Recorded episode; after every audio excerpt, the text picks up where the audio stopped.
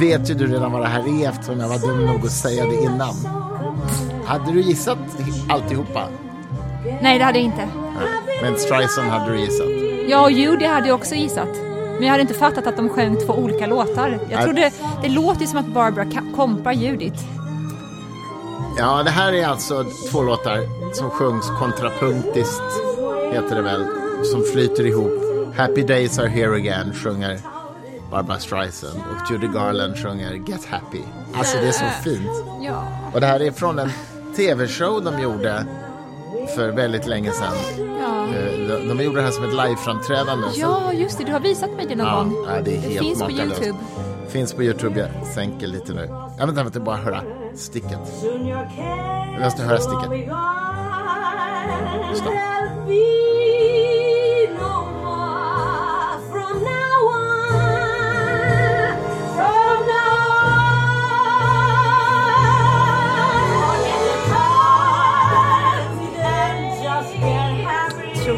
Ja, det är faktiskt skitbra.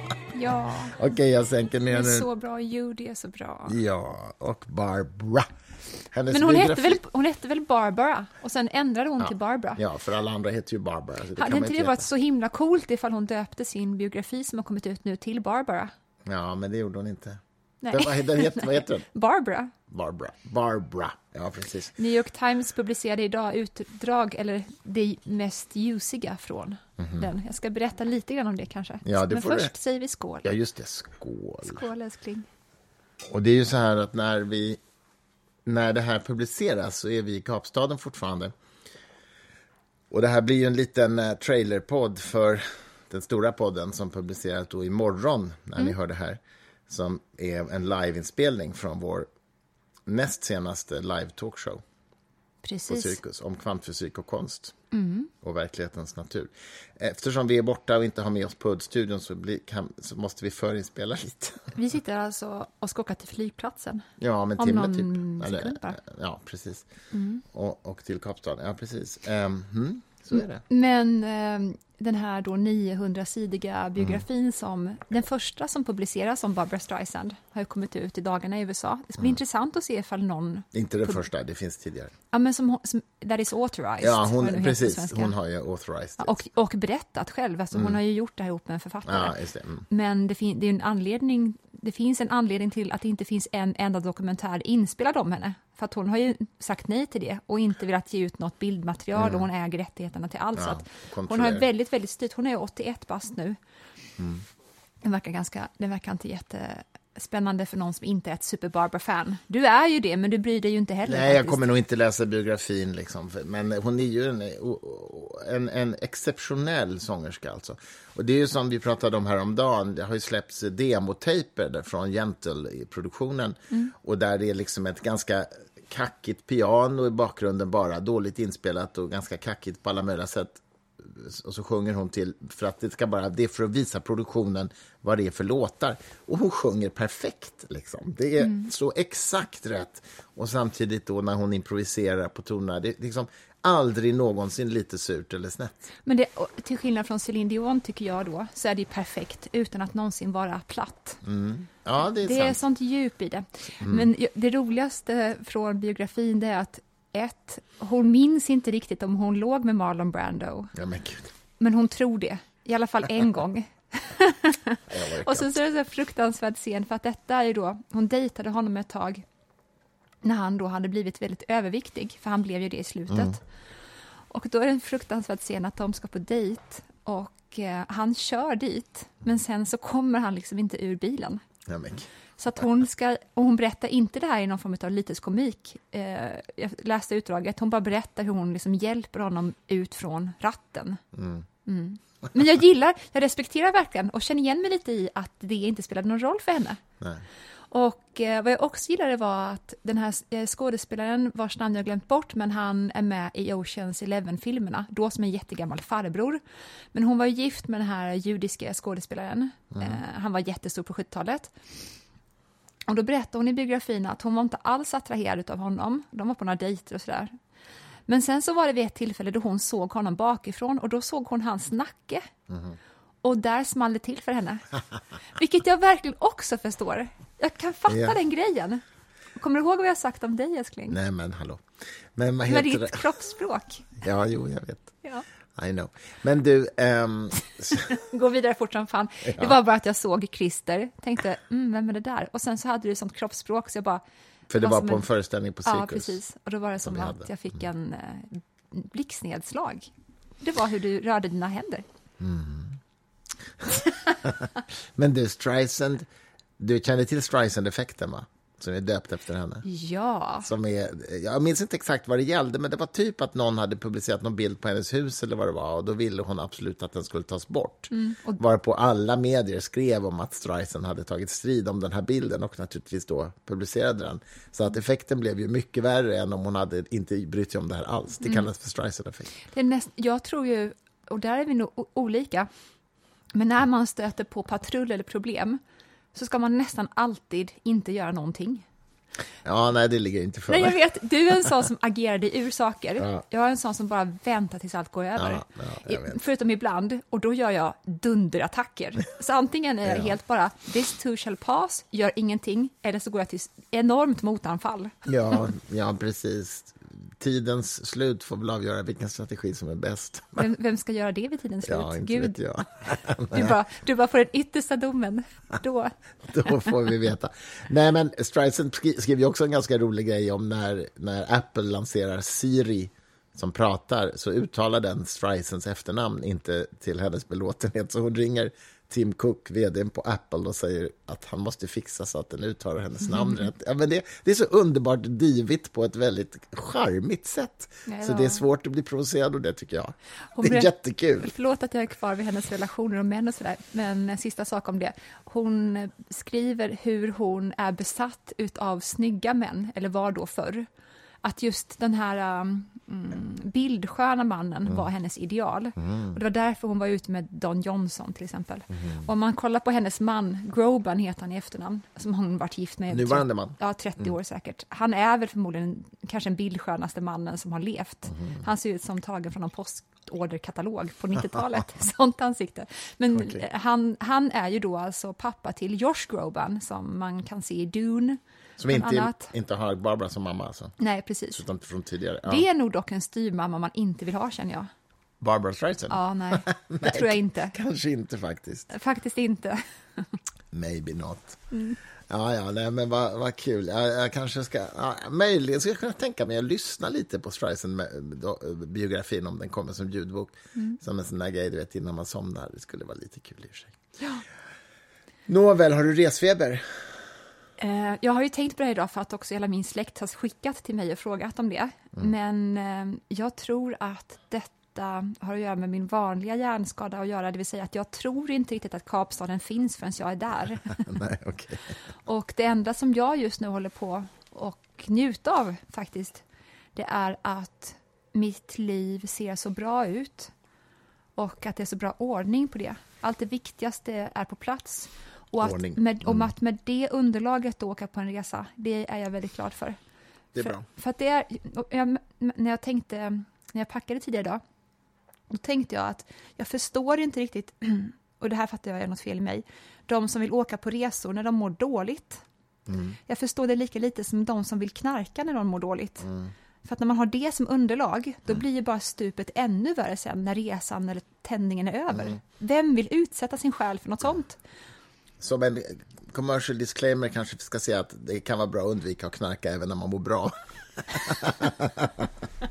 till våra lyssnare. Men- absolut. men, eh, men om man ska välja, bortsett mellan, det vä- så, välja ja. mellan två olagliga ting så... Ja, jag förstår. Ja. Ja, men det är bra. Nej, men förstår du vad jag menar? Ja, jag fattar vad du menar. Ja, jo, jo. Nej, men det, ja, nej, det är att, nej, jag är inte heller, jag är inte sådär, jag reser inte så mycket överhuvudtaget eftersom jag har lite allergiproblem och sådär, men, men eh, ibland gör vi ju det och eh, jag skulle inte vilja göra det om jag mådde dåligt på, Eller över hur? något annat. Nej, nej. Eller hur? Om inte det är så här att man liksom, jag är ju väldigt mycket för att man ska paketera saker mentalt eller rubricera saker. Att nu nu eh, ramar jag in den här situationen på det här sättet. Och jag kan tänka mig att om man skulle må jättedåligt, då åker man på resa för att man bara åker bort och tänker att nu ska jag hitta ett sätt att starta om mitt liv. Så nu ska jag åka iväg och- fundera ut det, men på en härlig plats. Och när jag kommer hem, då kommer det se annorlunda ut än när jag åkte, för att jag kommer göra om saker nu. Ja, eller om, som en del gör, att de helt enkelt byter land eller världsdel för att få stanna där. Också för att lämna ett gammalt liv bakom sig. Oj då. Ja, det är dramatiskt. Det vill jag inte. Det är väl inte det vi ska åka Nej, på? det ska vi verkligen Utan att du har sagt det. Vi ska Det inte ska vi flytta. inte. Vi måste bara, vi måste säga någonting om att vi, om gårdagens, vi var ju på en jäkligt charmig em, krog igår. Mm. Kan vi inte få göra lite reklam för den? Ja, absolut. Um, Oyster Bar i Stockholm. Oyster. Som är, Oyster Bar som är en skaldjursrestaurang, superkvalitet. Och eh, eh, Björn Almblad som driver den här eh, krogen och startade den för 13 år sedan är ju så en underbar karaktär alltså. Jag har stött på honom genom åren lite grann då och då sådär, men det var, nu var det väldigt länge sedan. Men hela krogen präglas av yppersta klass av skaldjur och champagne men också utav David Bowie. Det hänger massa olika tavlor, och porträtt på Bowie överallt och de spelar bara Bowies musik. Alltid i högtalarna. Det är så jäkla kul. Mm. Det är väldigt alltså. mysigt. Så om ni inte gillar Bowie så ska ni inte gå dit. Nej, det ska inte gå. Ja, om man inte gillar skaldjur mer så man kan möjligen gå dit bara därför. Men, men det, är, det är en väldigt charmig krog alltså. Vi Mm, hade väldigt roligt i alla fall. Storgatan i Stockholm. Storgatan eh, 21 kanske? Eller Vi 20 moffade. eller 22. Ehm, vi var ju där med, med sonen Leo efter att du och han hade varit ute och shoppat hans höstkollektion av kläder. Mm. Mysigt. Jag tillförtros inte göra det, för det vill han göra med en riktig ett klädproffs som dig. Så det, det är er grej. Mm. Men eh, ja, gå gärna dit om ni har vägarna förbi Stockholm. Det, det, och detta säger vi utan att på något sätt vara sponsrade, men det är verkligen en bra krog. Glömmer ni bort vad det heter kan ni alltid skriva till oss. Vi finns ju på Instagram och vi har ju också en egen lista på Spotify där vi lägger ut alla låtar. Så Där kommer in och följ Garland och den Streisand såklart efter det här. i det här lilla communityt som vi utgör. Ja. Vad är vi för människor egentligen? Vi som håller på med det här och de som lyssnar. Jag undrar vad vi är för några. vad är det här för grupp alltså? Det var vi- väldigt kul att träffa många utav er på det senaste live-eventet som vi hade Ja. på Soho. Så just till Soho House i Stockholm hade vi ju ett live-event. Ja. var det många som faktiskt hade åkt till Stockholm för att vi skulle kunna få prata lite också. Och det var ju tyvärr väldigt mycket problem med ljudet, vilket var störande tycker jag på många sätt. Men det stod, var ju lite utanför vår kontroll. Vi ska prata med Soho om det till nästa gång. Ja, vi ska styra upp det där till nästa gång. Men eh, ja, vad är, vad är våra lyssnare för några? Ja, ni får gärna mejla oss också på dgg.groundcontrol.se. Den gyllene grenen, dgg.groundcontrol.se. Ground Control som för övrigt är ju namnet på, eller det är inte namnet på utan det kommer från David Bowies låt Space Oddity som kom ut 1969. Um, ground Control to Major Tom. Därav eh, domännamnet på internet som jag registrerade i internets barndom en gång i tiden. Vi har poddat i ett och ett halvt år nu, varje vecka. Utom när vi gifte oss faktiskt. Den veckan hoppade vi över. Gjorde vi? Ja. Vi eh, Wow. klarade inte det. Nej, det var lite mycket annat. Ja, det var det verkligen. Hmm. Annars har vi faktiskt poddat varje vecka. Ja, alltså 84 avsnitt tror jag det. Mm. Det slog mig just nu att vi har publicerat avsnitt 84.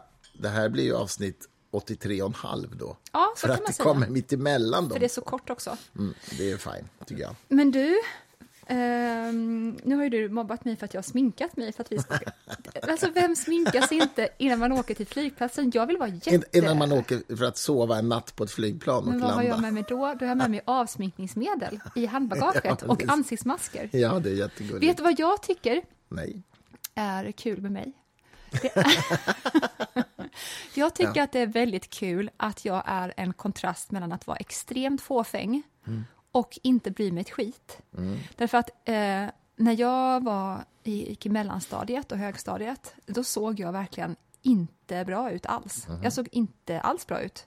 Och, det, och jag var väldigt överviktig. Alltså väldigt, väldigt, väldigt överviktig. Men det roliga var att det gjorde mig ingenting då. För att jag var inte identifierad vid mitt utseende. Nej. Då heller. Nej. Så att när jag sen gick ner i vikt och sen började se lite mer normal ut, då brydde jag mig fortfarande inte om, eller jag var fortfarande inte identifierad vid hur mitt utseende var. Så att nu, nu när jag sminkar mig, det är liksom lika mycket någon annans ansikte som mitt, jag bryr mig inte. Men däremot är det en väldigt rogivande sak att göra, med pillighet och Men du är ju samtidigt intresserad av kläder och styles och har jobbat med styling och sådär. Så att du har ju någon slags möjligen, möjligen inte personrelaterat till dig själv, men du har ju ett stort intresse för det. Jag gillar ju färger och kombinationer. ja, är men också stilar liksom. Du är estet, du är estet ändå. Jag vill att allt ska vara vackert. Ja, hela precis. tiden. Omkring mig. Det märker du Men det är ska... trevligt att du applicerar det även på dig själv. Det tycker det är mysigt. Du är väldigt gullig också att du lägger... du- Du är enda mannen som jag någonsin har Nej. träffat som kan säga så här, åh, har du nytt läppstift? Nej. Eller vilka fina naglar du har. Du ser allt.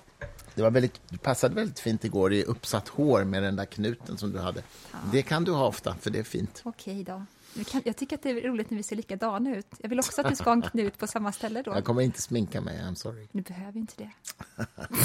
Hörru du, men du, vi måste tipsa om, vi har också börjat kolla på en filmserie som heter Lessons in Chemistry. Ja, mys. Som faktiskt är väldigt rolig. Den damen vill också ha ordning omkring sig som du. Damen.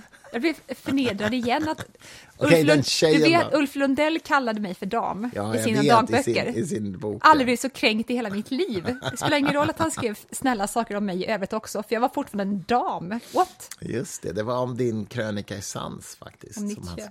Ja. Och Nietzsche, ja just det. Men vad heter det? Lessons in Chemistry, hon har ju en del egenskaper som påminner om dig. Det är ganska kul. Ordning, struktur. Det är väldigt roligt. Ja, ja, men det är lite lik. ja, vet. men den är bra. Den är sevärd. jättebra.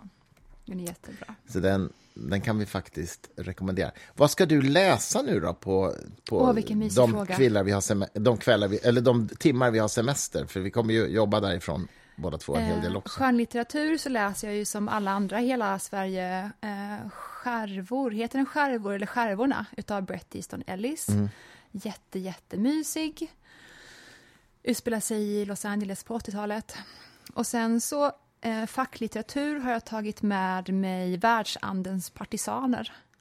Om Heidegger och filosof, Svante Nordin, Svante Nordins professorn bok. i filosofi. Eller idéhistoria menar jag. filosoferna och liberalismen har han också gått in där under 20 och 30-talet. Mm. Hur, jag, jag förstår inte hur den treklöven ser ut, att det både är, är um, Heidegger som då var kon- kontinentalfilosof och sen så är det liberalismen och sen så är det övriga filosofer också under 20 och 30. Mhm, Så det blir kul. Mm. Jag är väldigt, jag är till skillnad från dig, jag, jag gillar Heidegger. Obs, inte hans politiska eller Nej. åsikter eller hans människosyn. Men han var ju väldigt inspirerad av katolsk mysticism och sen. Och jag har verkligen respekt för alla filosofer som åtminstone gör ett försök att förnya ehm, språket när man pratar om sådana här saker som, återigen då som jag återvänder till, den osynliga anatomin. Han försökte ju verkligen skapa ett nytt uppslagsverk med ord och begrepp som skulle hjälpa oss att navigera kring det osynliga. Och jag älskar det försöket. Sen är det väldigt svårt, eftersom också språk är en sån organisk sak som det krävs verkligen att man på en enormt kollektiv nivå applicerar det nya språket för att det ska leva vidare och det är väldigt sällan som nya språk överlever, om, om ens någonsin i princip.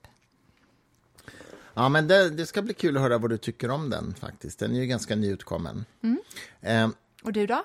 Eh, nej, men jag ska läsa, le, läsa Lena Anderssons nya bok, Studier i mänskligt beteende. faktiskt. Ja. Visst var den Augustnominerad? Ja, visst. Ja, nej, men det, hon hade vänligheten att posta den till mig. Den kom precis igår, innan, nu innan vi skulle åka. Så den får åka med i resväskan. För övrigt läser jag bara böcker som pdf för paddan för att det är för, man vill ju inte släpa Ja. på den. Men den ska jag ta med mig i fysisk form. Mycket bra. Men eh, sen ska jag nog läsa lite Daniel Dennets memoarer som ju vi ska ge ut. Åh, Mm, det är kul. Jag har ju följt Dennett sen jag var tonåring, så att jag minns ju väldigt mycket. Alltså jag, jag kommer att relatera till det han skriver om. Men då har vi verkligen eh, sett the table straight, vad vi ska prata om under middagarna. Då berättar jag för dig Mm. om världshandelns partisaner och du berättar för mig om Dennet. Jag ska faktiskt också läsa Thomas Hertogs bok som ju jag bara har läst på tidigt stadium eh, när vi beslutade att ge ut den. Men nu har den ju kommit så att säga på riktigt.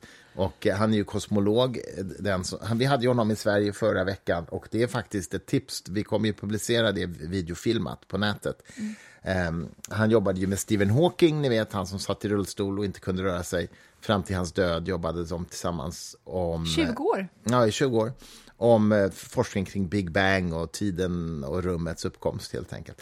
Och han är ju Thomas Hertog som vi ju då gjorde ett event med på Scalateatern där han också drabbas samman med Ulf Danielsson för de har lite olika uppfattningar om universums ursprung. Det är ganska roligt och Vi underhållande. måste se det Ja, här. jag försökte vara moderator, men de var ju ganska intensiva båda två. Så att, ja, det, var rätt ro, det var en rolig kväll. Du var så duktig. Ja, alltså, tack snälla. gud vad du skötte det. Jag vet ingen som har kunnat klara av det där mer än du. Nej, faktiskt. det var ganska svårstyrt. Ni, ni som kollar på det, ni kommer förstå och ni kommer känna saker, jag lovar. Ja, det var svårt, men det var väldigt kul alltså. Och vi hade ju fantastiska Isabella Lundgren också som Mm. sjöng. Eh, eh, det var väldigt, väldigt fint Mm. vi, eh, ett par gånger under kvällen. Vi älskar ju att mixa vetenskap, filosofi och liksom the arts, i det här fallet musik. Om inte ni har förstått paketeringen för Fri Tanke tidigare, som Christer då, jag jobbar inte på Fri Tanke, Mm. Nej, alla tror det. Somliga tror det, ja. Ja, men du är då VD Ja. och vad ni gör förutom att släppa de bästa facklitteraturböckerna Mm. i världen så är ju det att ni förenar eh, musik Mm. och scensamtal. Så att de smartaste människorna i världen dyker upp under ofta samtal ledda av dig Mm. och sen då så är det musik dess, dessutom. Ehm, The Thomas, third Her- culture, som man brukar säga. precis, Mm, Thomas. Thomas Herzog, säger man Her- Herz- Hertog. Mm. Hertog, okej. Eh, han berättade ju att eh, i Köpenhamn så finns ett ställe som heter Science and Cocktails. Mm. Det är ett koncept, så att säga, som, med- som är live-events, ja. Ja, och det är lite grann som ni har det också. Mm. Man, det är alltid i sam... Det finns en bar där ofta, Mm. man dricker lite vin, det är musik, det är skitsmarta samtal. och håller ni inte koll på de här grejerna som ni gör, så gör det. Eh, gå in på fritanke.se och sen kan man sätta upp sig för att få era Nyhets- nyhetsbrev. ja, precis. och då får ni alltid ett mejl om vilka grejer som händer Mm. när i Stockholm. Enda bokförlaget i Sverige, kanske eventuellt Norden, som Mm. gör det ni gör. Ja, jag tror att vi är ganska ensamma om att göra det i den utsträckning i alla fall som vi gör. Och, eh, nej, men just det här på Scalateatern blev faktiskt en fantastisk kväll. Det, det, det är värt att se alltså. Och eh, vi åt ju middag med Hertog efteråt och han, han är ju en härlig figur liksom. Han är ju, han är ju något så ovanligt som en framstående forskare, professor, men som också har stora ambitioner att vara en popularisator, alltså att kommunicera sin forskning till en allmän, general audience, till en allmän publik som inte är experter. Och eh, bara en sån sak som att hans presentation var ju väldigt sofistikerad, alltså bild, bi- bildspresentation som han gjorde, den var ju mer sofistikerad än man för ofta, för det mesta ser. Alltså. Ja. Oftast när professorer gör presentationer så är det liksom dåliga powerpoints som dessutom innehåller alldeles för mycket text. Mm. Framförallt innehåller samma text som de säger, vilket är helt idiotiskt. För att det är det sista de ska innehålla. De ska ju inte innehålla det som man säger. De ska Nej. innehålla det man inte säger. Ja. Vet du vad jag och Thomas pratade om på middagen? Nej? Eh, Indiana Jones. Indiana Jones, ja. Ja. ja, men han ser sig kanske som en sån i kosmos. Nej, men han, han berättade faktiskt att han eh, hade tankar på en bok när han jobbade med Stephen Hawking. Och Stephen var så här, men du måste skriva en bok. Och då sa Thomas, men jag vet inte riktigt om vad. Och då sa Stephen, det vet inte jag heller riktigt. Jag vet bara att du måste skriva en bok och sen så får det visa sig. För att det, det är ungefär som jag ser på saker och ting. Man snappar upp med sin intuitionshjälp. Kanske kommer till och med en konkret tanke som gör att man känner av att man måste dras åt ett visst håll eller en viss aktivitet. Och väl framme där börjar du begripa vad det handlar om. Eller så börjar du följa spåret vidare och då begriper du ännu mer. Men ehm, man, ja, som ett detek- detektivarbete i princip. Och det var så det var när han skrev den här boken som ni nu har gett ut. För att han sa bara, jag måste skriva en bok nu, känner jag, men jag vet inte om vad. Men då gick allting så snabbt och agenten, som han då, den bästa i världen är ju det, eh, i New York, sålde den här bokidén utan att det egentligen fanns en konkret idé över hela världen. Och eh, det gjorde att Thomas eh, inte riktigt visste hur mycket tid han behövde sätta av. Eller allt var bara vilset för honom. Och han jobbade på universitetet i Leuven. samtidigt. Och eh, det, var, det var precis. Och det var det vi pratade om, att det är att skriva en bok kan ofta vara som i Indiana Jones i den sista filmen då han letar efter den heliga graalen, eller är det förbundsarken? Skitsamma. Då, Förbundsarken, tror jag. Okej, då är det, och det här har jag ofta tänkt på under de gångerna som jag har skrivit böcker och skriver bok. Då är det att Indiana Jones måste bara ha den rätta tron för att klara av att gå över ett stup. Detta är ungefär Jesus som går på vattnet.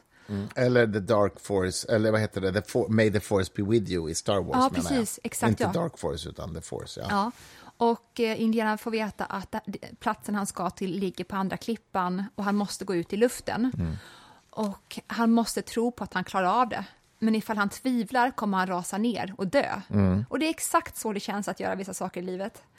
Så att han lyckas liksom tro så pass mycket på att han klarar det här, Indiana, så att faktiskt luften under hans fötter blir till fast mark. Och sen går han vidare och klarar det. Och eh, så fort man i livet närmar sig just den känslan som Indiana Jones känner när han står där och tvekar över stupet. De gångerna som ni känner det, då vet ni att ni står inför en, ett stort, stort eh, potentiellt utvecklingssteg i er själva. Därför att det är så hemskt det alltid känns när man närmar sig någonting som kan få en att eh, fälla hud, som ormen gör. Det, det är ett jättegott tecken. Och detta var alltså en inspiration, menar du, för Thomas Hertog? Nej, det var jag som, när han berättade det här för mig, då sa okej. jag det här är som Indiana Jones. Ah, och så okej, berättade jag okej, det här för mm. honom och då sa han ja, för att han var också besatt av Indiana Jones. Och sen Jaha, blev vi mycket om ja. Indiana Jones. Hans bok heter ju Om tidens uppkomst och det är ju en anspelning på uh, uh, The Origin of Species, species ut, utav Darwin. Mm. Eh, on the Origin of Time heter den ju på engelska. För att han har en darwinistisk syn på universums evolution. Det, det, ja, det är faktiskt rätt härligt. Men du, eh, vi ska avrunda, för det här är ju trots allt bara en mellanpodd eh, som vi tänkte publicera då dagen innan live-samtalet på söndag. Precis, ni har hört en podd om upplysningen. Hoppas Mm. ni hade trevligt. Vi hade väldigt trevligt. Eh, Det är lördag idag och imorgon söndag då kommer ett inspelat livesamtal som vi hade om verklighetens natur helt enkelt. Kvantfysik och konst och verklighetens natur. På Cirkus med de Deer, eh, artisten, eh, Carolina Kjellgren, idéhistoriker och Ulf Danielsson, professor i teoretisk Och där fysik. kan man verkligen säga att ni kommer få lyssna på brytpunkten mellan religion och vetenskap. Det kan man säga. Ehm, Ha en härlig lördag, ska jag en säga. härlig lördag, Jag säger säger vi. fel. Och så, och så avslutar vi med lite till här. Hallelujah.